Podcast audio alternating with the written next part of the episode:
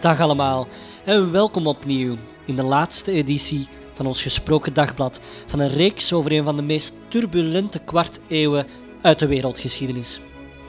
En wat een lange reis hebben we gemaakt. Vandaag kijken we naar wat die reis voor ons vandaag betekent. Onze maatschappij is voor een heel groot deel gevormd door de Franse Revolutie. Die heeft namelijk voor de eerste keer gebroken met het Ancien Régime, een term die door de revolutionairen zelf in het leven is geroepen voor de oude tijd en grosso modo overeenkomt met wat wij vandaag middeleeuwen en vroegmoderne tijd noemen. Toch had je niet één Franse revolutie. Die revolutie die kende verschillende gedaantes. Ook bestaan adel en kerk vandaag nog altijd.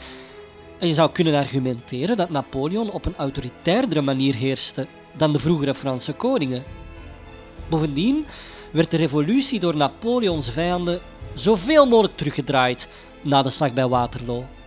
Op het congres van Wenen, waarnaar ieder land dat iets wilde betekenen zijn diplomaten had gestuurd, zou de klok zoveel mogelijk worden teruggedraaid. Oude koninklijke families die door Bonaparte waren verjaagd, werden teruggeroepen. Frankrijk moest worden teruggedrongen territoriaal tot de grenzen van voor 1789. De adel kreeg opnieuw de belangrijkste postjes. De grootmachten moesten nog groter en nog machtiger worden. Verlichte ideeën als volkssoevereiniteit, het volk beslist voor zichzelf, en liberalisme werden officieel weggehoond. Er is met andere woorden wel degelijk een grote mate van continuïteit. Continuïteit betekent dat iets gewoon blijft voortbestaan. Toch kwam er met het verslaan van Napoleon rust. Het congres van Wenen luidde een lange periode in van stabiliteit. Het volgende echt grote conflict tussen grootmachten is 100 jaar later met de Eerste Wereldoorlog.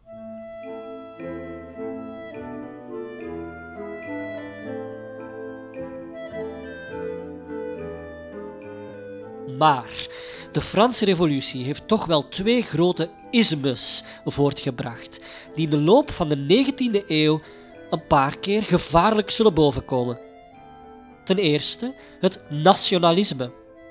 Napoleon had heel wat volkeren ingelijfd en had die volkeren daardoor ongewild de trots gegeven om zich in de toekomst nooit meer te laten inlijven. Een tweede isme, het isme van de revolutie, is het liberalisme, de politieke stroming van de verlichting. Het congres van Wenen kan je eigenlijk vergelijken met een Europese top avant la lettre. En het zou proberen om op een conservatieve manier de oude macht te herstellen en die liberalisme en nationalisme zoveel mogelijk onder de mat te vegen. Maar die twee ismes die kan je vergelijken met een veenbrand. Ondergronds blijft die smeulen en van tijd tot tijd zou ze in alle hevigheid oplaaien. De geest van de Franse Revolutie was uit de fles. Of de dan nog niet uitgevonden tandpasta was uit de tube. Je krijgt die er niet terug in. En verschillende keren in de 19e eeuw zouden het nationalisme en het liberalisme Europa op zijn grondvesten doen daveren.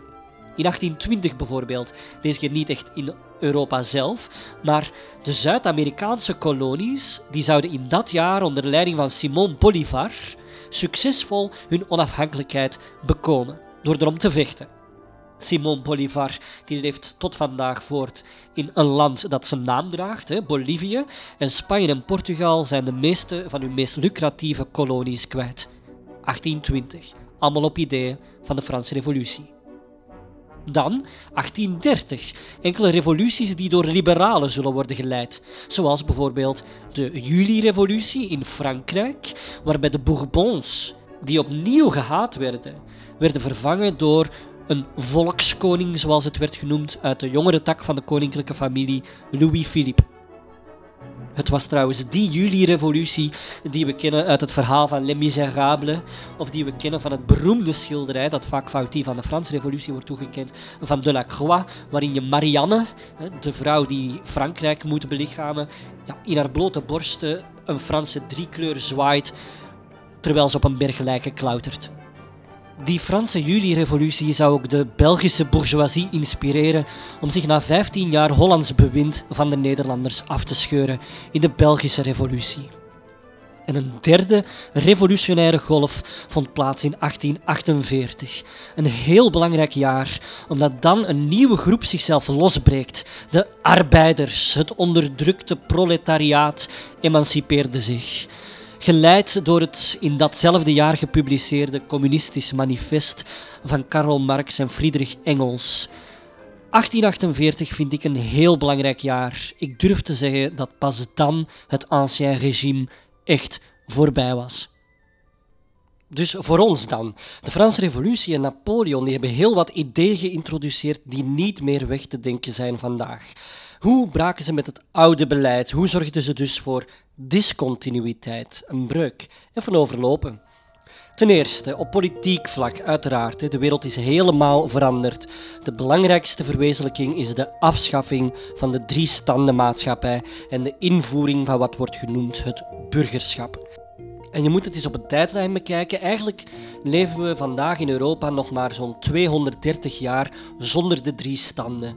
Dat is niks in vergelijking met toch wel de kleine duizend jaar dat de standen er wel waren. Voortaan wordt het bestuur niet meer bepaald door edelen, door hoge geestelijke of de stedelijke bourgeoisie en de gevestigde ambachtsschilden, maar bezit elke burger dezelfde rechten en plichten. In die eerste jaren van de Franse Revolutie volgde de praktijk de theorie niet helemaal. Er werd altijd gezegd alle mannen waren gelijk voor de wet en dat kon je letterlijk nemen. Voor vrouwen en slaven bracht de revolutie minder voordelen. Napoleon bijvoorbeeld die heeft de slavernij heringevoerd. Die was in Frankrijk het Franse Rijk al afgeschaft. Ja, en Haiti herstelt er nog van vandaag. Nog een nieuwigheid is stemrecht. Het Seinskiesrecht voor mannen, dat wordt geïnstalleerd door de Franse Revolutie, waarbij je enkel mocht stemmen als je er een aanzienlijk bedrag voor betaalde, was wel in het voordeel van de bourgeoisie. Nog niet democratisch naar onze normen, maar toch al een stap in de goede richting. In de loop der tijd is dat Seinskiesrecht voor mannen dan geëvolueerd naar ons algemeen, dus voor mannen en vrouwen, enkelvoudig stemrecht. We hebben er wel twee wereldoorlogen voor nodig gehad. Adel, geestelijkheid en koningschap bleven bestaan, maar hadden aan macht ingeboet. Dus dat is het grote politieke verschil. Nu, het Franse regime in de zuidelijke Nederlanden duurde maar 20 jaar, maar de invloed ervan was tot ver in de 20e eeuw voelbaar. Ik vind het wel heel belangrijk om mee te geven. Voor Frankrijk ons inlijfde, waren wij een kleine eeuw Oostenrijks, nadat we eeuwenlang Spaans waren geweest. En de Oostenrijkse keizerin, Maria Theresia, de mama van Marie-Antoinette, en haar zoon Jozef II, die hadden eigenlijk al heel wat nieuwe, moderne maatregelen ingevoerd, op de verlichting gebaseerd. Wij noemen die vorsten dan ook verlichte despoten, alleenheersers, maar met verlichte ideeën. Zeg maar alles voor het volk, niks door het volk. Zij zouden al heel wat pogingen ondernemen om onze streken te herorganiseren naar verlicht voorbeeld. Ja, Jozef II bijvoorbeeld bemoeide zich zo met de kerkelijke zaken dat hij de bijnaam keizerkoster kreeg. Maar al die hervormingen in het algemeen belang, nog zo'n typische term van de verlichting, die vielen hier in de zuidelijke Nederlanden eigenlijk op een koude steen. Hier hadden particuliere steden, ambachten, kloosters, abdijen, particuliere belangengroepen, noem maar op, over de eeuwen heen hun voorrechten verworven en opgestapeld en die waren daar heel trots op. Er brak zelfs een reactionaire revolutie. Reactionair betekent dus tegen de verandering. Reactionaire revolutie uit tegen die nieuwe ideeën. De Brabantse omwenteling wordt dat genoemd, van 1789. In hetzelfde jaar als de Franse Revolutie, maar ideologisch gewoon het tegenovergestelde. De zuidelijke Nederlanden waren niet tuk op moderne ideeën. Vandaag beschouwen we die ideeën als vanzelfsprekend. Wij zijn in feite kinderen van de verlichting, maar we hebben het Franse bestuur nodig gehad om die ideeën met geweld op te leggen. Want aanvankelijk dus lusten we er hier weinig pap van.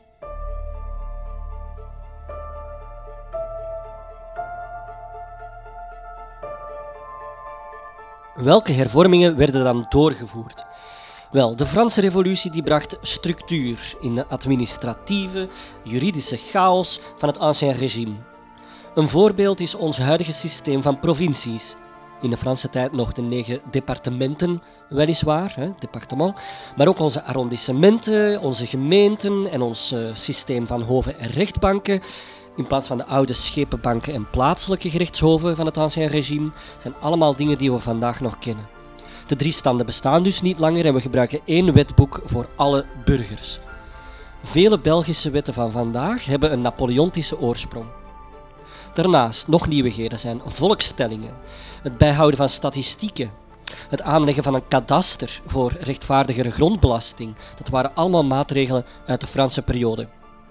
De meest bekende, de meest tastbare Franse maatregel was wellicht de invoering van het uniforme metrieke stelsel, dat alle plaatselijke meet-, weeg- en betaalsystemen verving. Vanaf nu dus uh, centimeters, meters, kilometers, grammen, kilogrammen en tonnen en de Franse franc. Weg met de L. Ken je ze nog? Die oude lengtemaat van de kruiswoordraadsels. En een L, dat was de lengte van je elleboog tot het topje van je middelvinger. Maar ja, dat was natuurlijk weinig bruikbaar, want als wij al onze ellebogen naast elkaar zouden leggen, geen enkele is identiek. Een van mijn favoriete ancien regime oppervlaktemaat was bijvoorbeeld de dagwand. En dat was de oppervlaktegrond die één boer met behulp van één os en één ploeg normalerwijze in één dag kon ploegen. Ongeveer een derde van een hectare, hè, 3300 vierkante meter. Ja, uiteraard is de prestatie volledig afhankelijk van ja, het enthousiasme van de boer, of de kracht van de os, of de kwaliteit van de ploeg. Zo was een Dendermondse dagwand bijvoorbeeld 3348 vierkante meter, maar in Aalst was een dagwand dat weer 3030 vierkante meter. Onbruikbaar dus. En ook met de zogenoemde pint als een inhoudsmaat voor bijvoorbeeld graan, daar werd wel eens mee gesjoemeld. Iedereen was dat beu, iedereen vanaf nu dus eengemaakte maten en gewichten. Trouwens, wat was dan officieel 1 kilogram? Nu, de officiële kilogram die heeft eigenlijk sinds 1875 altijd in Parijs gelegen. Was een metalen cilinder onder een glazen stolp. Maar in 2018 is dan besloten om de theoretische kilogram los te koppelen van die metalen cilinder in Parijs. Dat komt omdat die cilinder varieerde met 1 microgram per jaar, omdat het metaal reageerde met stoffen uit de lucht. Hij werd dus een heel klein beetje zwaarder telkens. Vandaag koppelen wetenschappers die theoretische kilogram dus aan natuurkundige constanten. Maar ik heb het eens opgezocht voor een gewone sterveling zonder de juiste opleiding. Is de formulering ervan onleesbaar.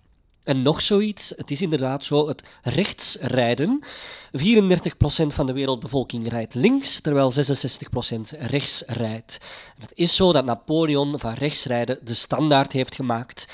In Groot-Brittannië, waar Napoleon nooit is geweest, en de verschillende Britse ex-kolonies, is linksrijden vandaag nog steeds de norm. We zagen dus belangrijke politieke hervormingen, administratieve hervormingen, maar nog zo'n discontinuïteit met het ancien regime is de laïcisering van de maatschappij. Laïcisering.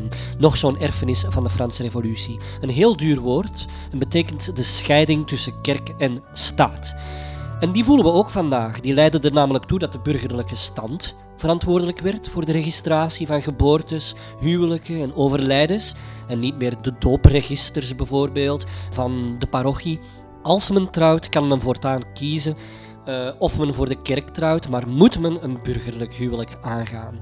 Ook zijn vanaf de Franse Revolutie echtscheidingen mogelijk. Ook het onderwijs en zieken- en armenzorg waren sinds de Franse Revolutie niet langer het monopolie van de kerk. De Franse Revolutie richtte bijvoorbeeld een commissie van de openbare onderstand op, de voorloper van ons OCMW. En vandaag bestaan katholieke scholen uiteraard nog, maar de Franse Revolutie stimuleerde ook het moderne openbaar onderwijs met aandacht voor wiskunde, wetenschappen, moderne talen. Dat waren hun speerpunten. Ook bracht het Franse bestuur belangrijke economische veranderingen. Zo denken we aan de invoering van de vrije markteconomie, het economisch liberalisme, dat een einde moest maken aan alle handelsbelemmeringen door de overheid. Denk aan onze aflevering over Lodewijk XIV en het mercantilisme onder Colbert. Of het exclusieve ambachtswezen de belangrijke wet Le Chapelier uit 1791, die dan ook later bij ons zou ingevoerd worden, maakte een einde aan het systeem van de eeuwenoude ambachtsgilde. De Franse Revolutie vond de ambachtsgilden namelijk oneerlijk, omdat die onderling prijzen afspraken en bewust meer en meer mensen aan het uitsluiten waren van het behalen van een meesterstitel. Puur protectionisme dus, want je mocht pas je beroep ten volle als zelfstandige uitoefenen als je meesterstitel van het ambacht had behaald. We kennen de ambachten eigenlijk vandaag alleen nog maar uit de knappe gebouwen op de grote markt of de straatnamen. Voortaan bepaalde vraag en aanbod de kwaliteit, kwantiteit en prijs van producten. Die wet de Chapelier die benadrukte vrijheid van ondernemerschap, maar anderzijds verbood hij ook organisaties die werknemers verenigden. De facto een verbod dus op de vakbonden, die dan nog niet bestaan. Eeuwenoude tolrechten werden afgeschaft aan rivieren en stadsmuren en die zorgden voor één grote vrijhandelszone. En ook de uitbreiding van de haven van Antwerpen zorgde voor een enorme economische welvaart. Vandaag behoort de haven van Antwerpen tot toch wel de grootste havens ter wereld. Om af te sluiten, ook op cultureel vlak, kreeg Frankrijk een enorme uitstraling, wat voor een verfransing van de burgerlijke cultuur zorgde. Die was eigenlijk al in gang gezet en die zou nu nog een versnelling hoger inschakelen in onze streken. Nog lang zou de elite van België Frans spreken. Dat is allemaal hoe wij vandaag de Franse Revolutie dagelijks voelen.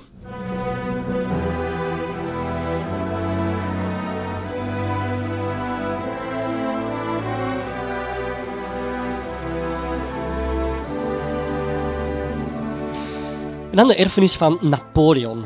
Wat een figuur toch, hè? Nu, was die nu goed of slecht? Dat is de vraag, of eigenlijk is het niet de vraag. De grote fout is om hem te veroordelen aan de hand van onze huidige standaarden. Dat mag je eigenlijk nooit doen met iemand uit het verleden. Neem nu iets als een aanvalsoorlog. Meestal bij tegenstanders het doorslaggevende argument om hem als het vlees geworden kwaad af te schilderen. Wel een, wat wij noemen, oorlog tegen de vrede, dat zijn wij pas sinds de twee wereldoorlogen als een misdaad gaan beschouwen. In de tijd van Napoleon was een aanvalsoorlog volstrekt normaal. Alexander de Grote, Julius Caesar, dat waren ook imperialisten, die deden ook aanvalsoorlogen. Zij worden helemaal niet negatief herinnerd. Dus het zou vrij oneerlijk zijn. Just is just. Napoleon bracht daarboven officieel gelijkheid, broederlijkheid, vrijheid, waar zijn voorgangers er een knoeiboel van hadden gemaakt. We hebben het samen bestudeerd. De Jacobijnen waren anti-katholieke extremisten en het directoraat, het regime daarna, was instabiel en zwak. Napoleon was ook principieel. Hij was een revolutionair van in het begin. Hij was geen windhaan, hij was geen opportunist die nog een tijd lang met het ancien regime heeft gedweept. Hij was, dat moet gezegd worden, wel een paradoxale figuur. Zo raar, een volksrevolutie verspreiden door absolute dictatuur liberale ideeën internationaal maken door imperialistische oorlogen met het buitenland. Hij zou nooit heel Europa veroveren, maar toch heeft hij zijn stempel erop gedrukt tot vandaag. Anderzijds, op lange termijn lag hij ongewild uiteraard aan de basis van opborrelend nationalisme, dat toch een drijvende politieke kracht zou worden de twee eeuwen daarna, en ook militarisme, het idee dat staten sterk zijn als ze een groot leger hebben, een eeuw later zouden die twee ismes een dodelijke combo vormen. Zijn erfenis dus is denk ik vooral zijn code civiel, die rationeel en efficiënt alle overtollige voorbijgestreefde wetten van vroeger definitief naar de geschiedenis verwees. In tegenstelling tot zijn empire heeft de code civiel hem bijna ongeschonden overleefd. Ja, en dan zijn persoonlijke leven. Napoleon domineerde Europa een dikke 15 jaar, kort maar krachtig, om dan te eindigen op een godvergeten eiland met twee mannen en een paardenkop. Het is echt het verhaal van een opera eigenlijk. Hè? Als ik een schrijver zou zijn van historische fictie, dan zou ik al bij verschillende hoofdstukken van Napoleons biografie al lang hebben gedacht: ja, nee, nee, dat ga ik moeten laten vallen. Mijn publiek gaat hier afhaken. Dit gaat erover, dit is ongeloofwaardig, ja. Zie. Napoleon deed het hem toch. Napoleon maakte een blitzcarrière, brigadegeneraal op 24, keizer op 35, gestorven op zijn 51. En toegegeven, Napoleon heeft er nogal wat levens doorgejaagd. Van soldaten en van paarden. En toch is er een hele cultus rond Napoleon. De slag bij Waterloo, die geografisch eigenlijk de slag bij Eigenbrakel zou moeten heten, maar dat was te moeilijk voor Wellington, de overwinnaar, om uit te spreken. Ja, en het was ook uiteraard één lettergreep te veel voor ABBA in 1974. Die slag bij Waterloo die werd in 2015, 200 jaar later, in het groots nagedaan. Met 5000 reenactors uit 52 landen, 300 paarden, 100 kanonnen, kostprijs 7 miljoen euro. Ik ben daar naartoe geweest, het was zijn geld meer dan waard. En dat doen ze dan al elk jaar, maar dan een beetje kleiner na. Jammer genoeg was er daar in 2015 ook een acteur overleden. Dat vond ik wel heel erg. Hij bevond zich in het kamp van de geallieerden, vlak bij de hoeve van Hougoumont. Nu, in Rusland en Engeland is er vooral vandaag een anti-Napoleontisch sentiment. Het drukste station van Londen, Waterloo Station, met bijna 100 miljoen in- en uitstappers per jaar. Het grootste plein van Engeland, Trafalgar Square. Het vlaggenschip van de British Museum, de steen van Rosetta. En dan jammer genoeg al die clichés over Napoleon, vaak uit een Britse koker trouwens, die zelfs bij volwassenen vandaag blijven hangen. Zijn grote, zijn Napoleon-complex enzovoort. Helemaal vernederend vind ik het feit dat zijn penis ergens als curiosum wordt bewaard. Het is trouwens niet abnormaal om bijvoorbeeld het hart of de maag van een vorst na de autopsie afzonderlijk op te baren of ergens bij te zetten, maar het geslachtsorgaan? Hmm, opmerkelijk. De Napoleontische jonge heer is door een Britse arts op Sint Helena van het keizerlijke lichaam gescheiden en is dan naar Corsica gesmokkeld door een priester. Na diens dood heeft de keizerlijke phallus heel wat omzwervingen doorstaan om dan in 1927 op een tentoonstelling te eindigen in New York. Ja, het inmiddels verschrompelde Corsicaanse voortplantingsorgaan was daar vooral onderwerp van hoongelach. Zo weinig was er van over. Ja, over de grootte van de flieter van Bonaparte wordt overigens gespeculeerd. Maar ja, we weten het ook niet. Wie weet was het ook enkel maar het topje dat in der tijd afgesneden was door die arts. N'importe quoi. De inmiddels gemummificeerde plasser zou dan in handen gekomen zijn van de familie van een John Latimer, een uroloog en verzamelaar van opmerkelijke objecten. Dat wil dus ook zeggen dat er ergens in de Verenigde Staten iemand is die dineetjes kan geven en dan helemaal op het einde tijdens het digestief kan zeggen van uh, zeg, moet ik uh, eens iets laten zien? Ik heb hier nog iets liggen. Ja, het is een schande. In Frankrijk ligt die herinnering aan Napoleon ook helemaal anders. Volgens historici worstelen de Fransen er vandaag nog steeds mee hoe ze Napoleon moeten herinneren. Was hij een verlichte leider of een op macht beluste dictator? Of beide? Ja, we weten het, de woorden égalité, fraternité, liberté en de Marseillaise, die waren alomtegenwoordig na de aanslagen in Parijs van 2015. Het zijn blijkbaar verbindende factoren waarmee de Franse natie zichzelf vereenzelvigt. Zij slaan die drie woorden ook nog steeds op de euromunten enzovoort. En de Franse relatie met Waterloo is nogal problematisch. In Frankrijk is er geen station Waterloo, wel Austerlitz. Zij spreken ook niet van de slag bij Waterloo, maar van de nederlaag bij Waterloo. In 2015 was er ook sprake van het drukken van een herdenkings-euromunt door België, maar dat veroorzaakte een klein diplomatiek relletje. Een negatief symbool dat de Europese eenheid zou ondermijnen, zo noemde de Franse president François Hollande het idee. De Fransen hadden ook één maand voor die grootste reenactment nog altijd niet bevestigd wie ze zouden afvaardigen, terwijl leden van onder meer de Britse, Belgische en Nederlandse koninklijke familie al present hadden getekend, naast tal van andere belangrijke internationale gasten. Een tante van een vriendin van mij die kreeg eens Franse vrienden op bezoek in Brussel. En die stelde voor om die mensen in Waterloo op te pikken, omdat dat op die manier makkelijker was om Brussel binnen te rijden. Eh, maar die mensen die weigerden dat dus. In het Franse middelbaar leren ze maar liefst twee jaar over de revolutie, chronologisch en thematisch, van de Bastille tot Sint-Helena. Ze bekijken de samenstelling van de Grande Armée, zelfs de herorganisatie van het Heilige Roomse Rijk, de keizerskroning, de veldtocht in Egypte. Maar de slag bij Waterloo, la défaite de Waterloo, wordt zeer beperkt behandeld. Een Napoleon Freeman als een soort van Hitler is ook ver buiten het aanvaardbare in het Franse onderwijssysteem. Persoonlijk ga ik daar ook helemaal mee akkoord. We gaan even luisteren naar Arnaud Porcier. En dat is een Frans Kempische jongen, zal ik hem maar noemen, die ik ooit eens op vakantie aan de Côte d'Azur heb leren kennen, bij Cannes. Ja, ik weet hoe mondain dit klinkt.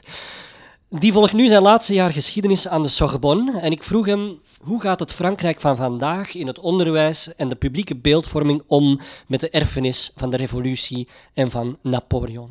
En we gaan eens luisteren.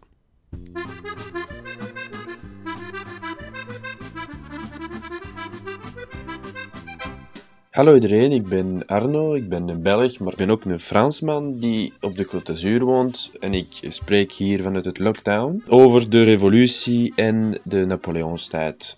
Dus eerst is de geschiedschrijving van de revolutie veranderd, vooral. De plaats van de vrouwen is meer en meer in de middelbare school gestudeerd, zoals de burgerlijke kant, de bourgeoisie kant van de revolutie.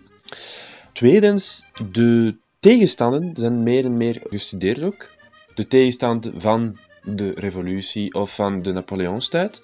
Dus vanuit het buitenland, dus vanuit het Spanje of Italië. Maar deze tegenstanden worden door afbeeldingen gestudeerd, zoals de Dos et Tres de Mayo van Goya. Eh, de plaats van Napoleon in het geschiedenisprogramma vanuit het middelbare school in Frankrijk is de plaats van een man die de revolutie woude verbreiden. Zijn familie had heel veel macht op Europa. En dat wordt ook eerst heel veel gestudeerd, dat Napoleon zijn familie op elke troon van Europa eh, probeert te, te zetten. En Napoleon is eigenlijk zoals een mythe gestudeerd, want... Allee, man, iedereen kan dat zien aan de Invalide Museum, want in deze museum wordt alles over Napoleon gedaan. En zijn graaf is een gigantische graaf in het midden van de kerk van de Invalide. Dus dat is eigenlijk heel, heel grote mythe. Maar nu wordt meer de tegenstander aan deze mythe gestudeerd. En man, iedereen ziet dat dat was niet alleen een goede man, maar ook een militair, dus een man uit het leger. Ik woon in Parijs en ik zie dat het, uh, het geheugen van de, van de slachten en van, vooral van Napoleon nog heel aanwezig is. De grote boulevard, uh, de grote straten, zoals een station, hebben de naam van een slacht ofwel de overwinning van Napoleon. Dus ik kan zien uh, Jena, Wagram, Rivoli, maar ook Austerlitz, dat is een van de grootste stations in Parijs. Dus eh, iedereen ziet dat er is een grote geheugen van Napoleon nog door de straat van Parijs.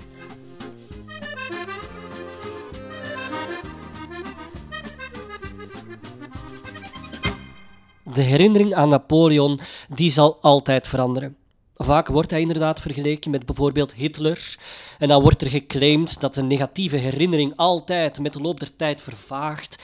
Vaak dan gekoppeld aan een waarschuwing dat ooit hetzelfde zal gebeuren met Hitler. Dus daarmee de rol van het onderwijs beklemtonend. En dat is inderdaad, onderwijs is uiteraard uitermate belangrijk. Maar als je dus degelijk in het onderwijs of in dit gesproken dagblad naar de bronnen kijkt, dan wordt wel duidelijk dat de figuur Napoleon veel complexer is dan een griezelige, geradicaliseerde nazi. En wij hopen met ons gesproken dagblad toch minstens één steen te hebben verlegd in de rivier van uw eigen persoonlijke herinnering.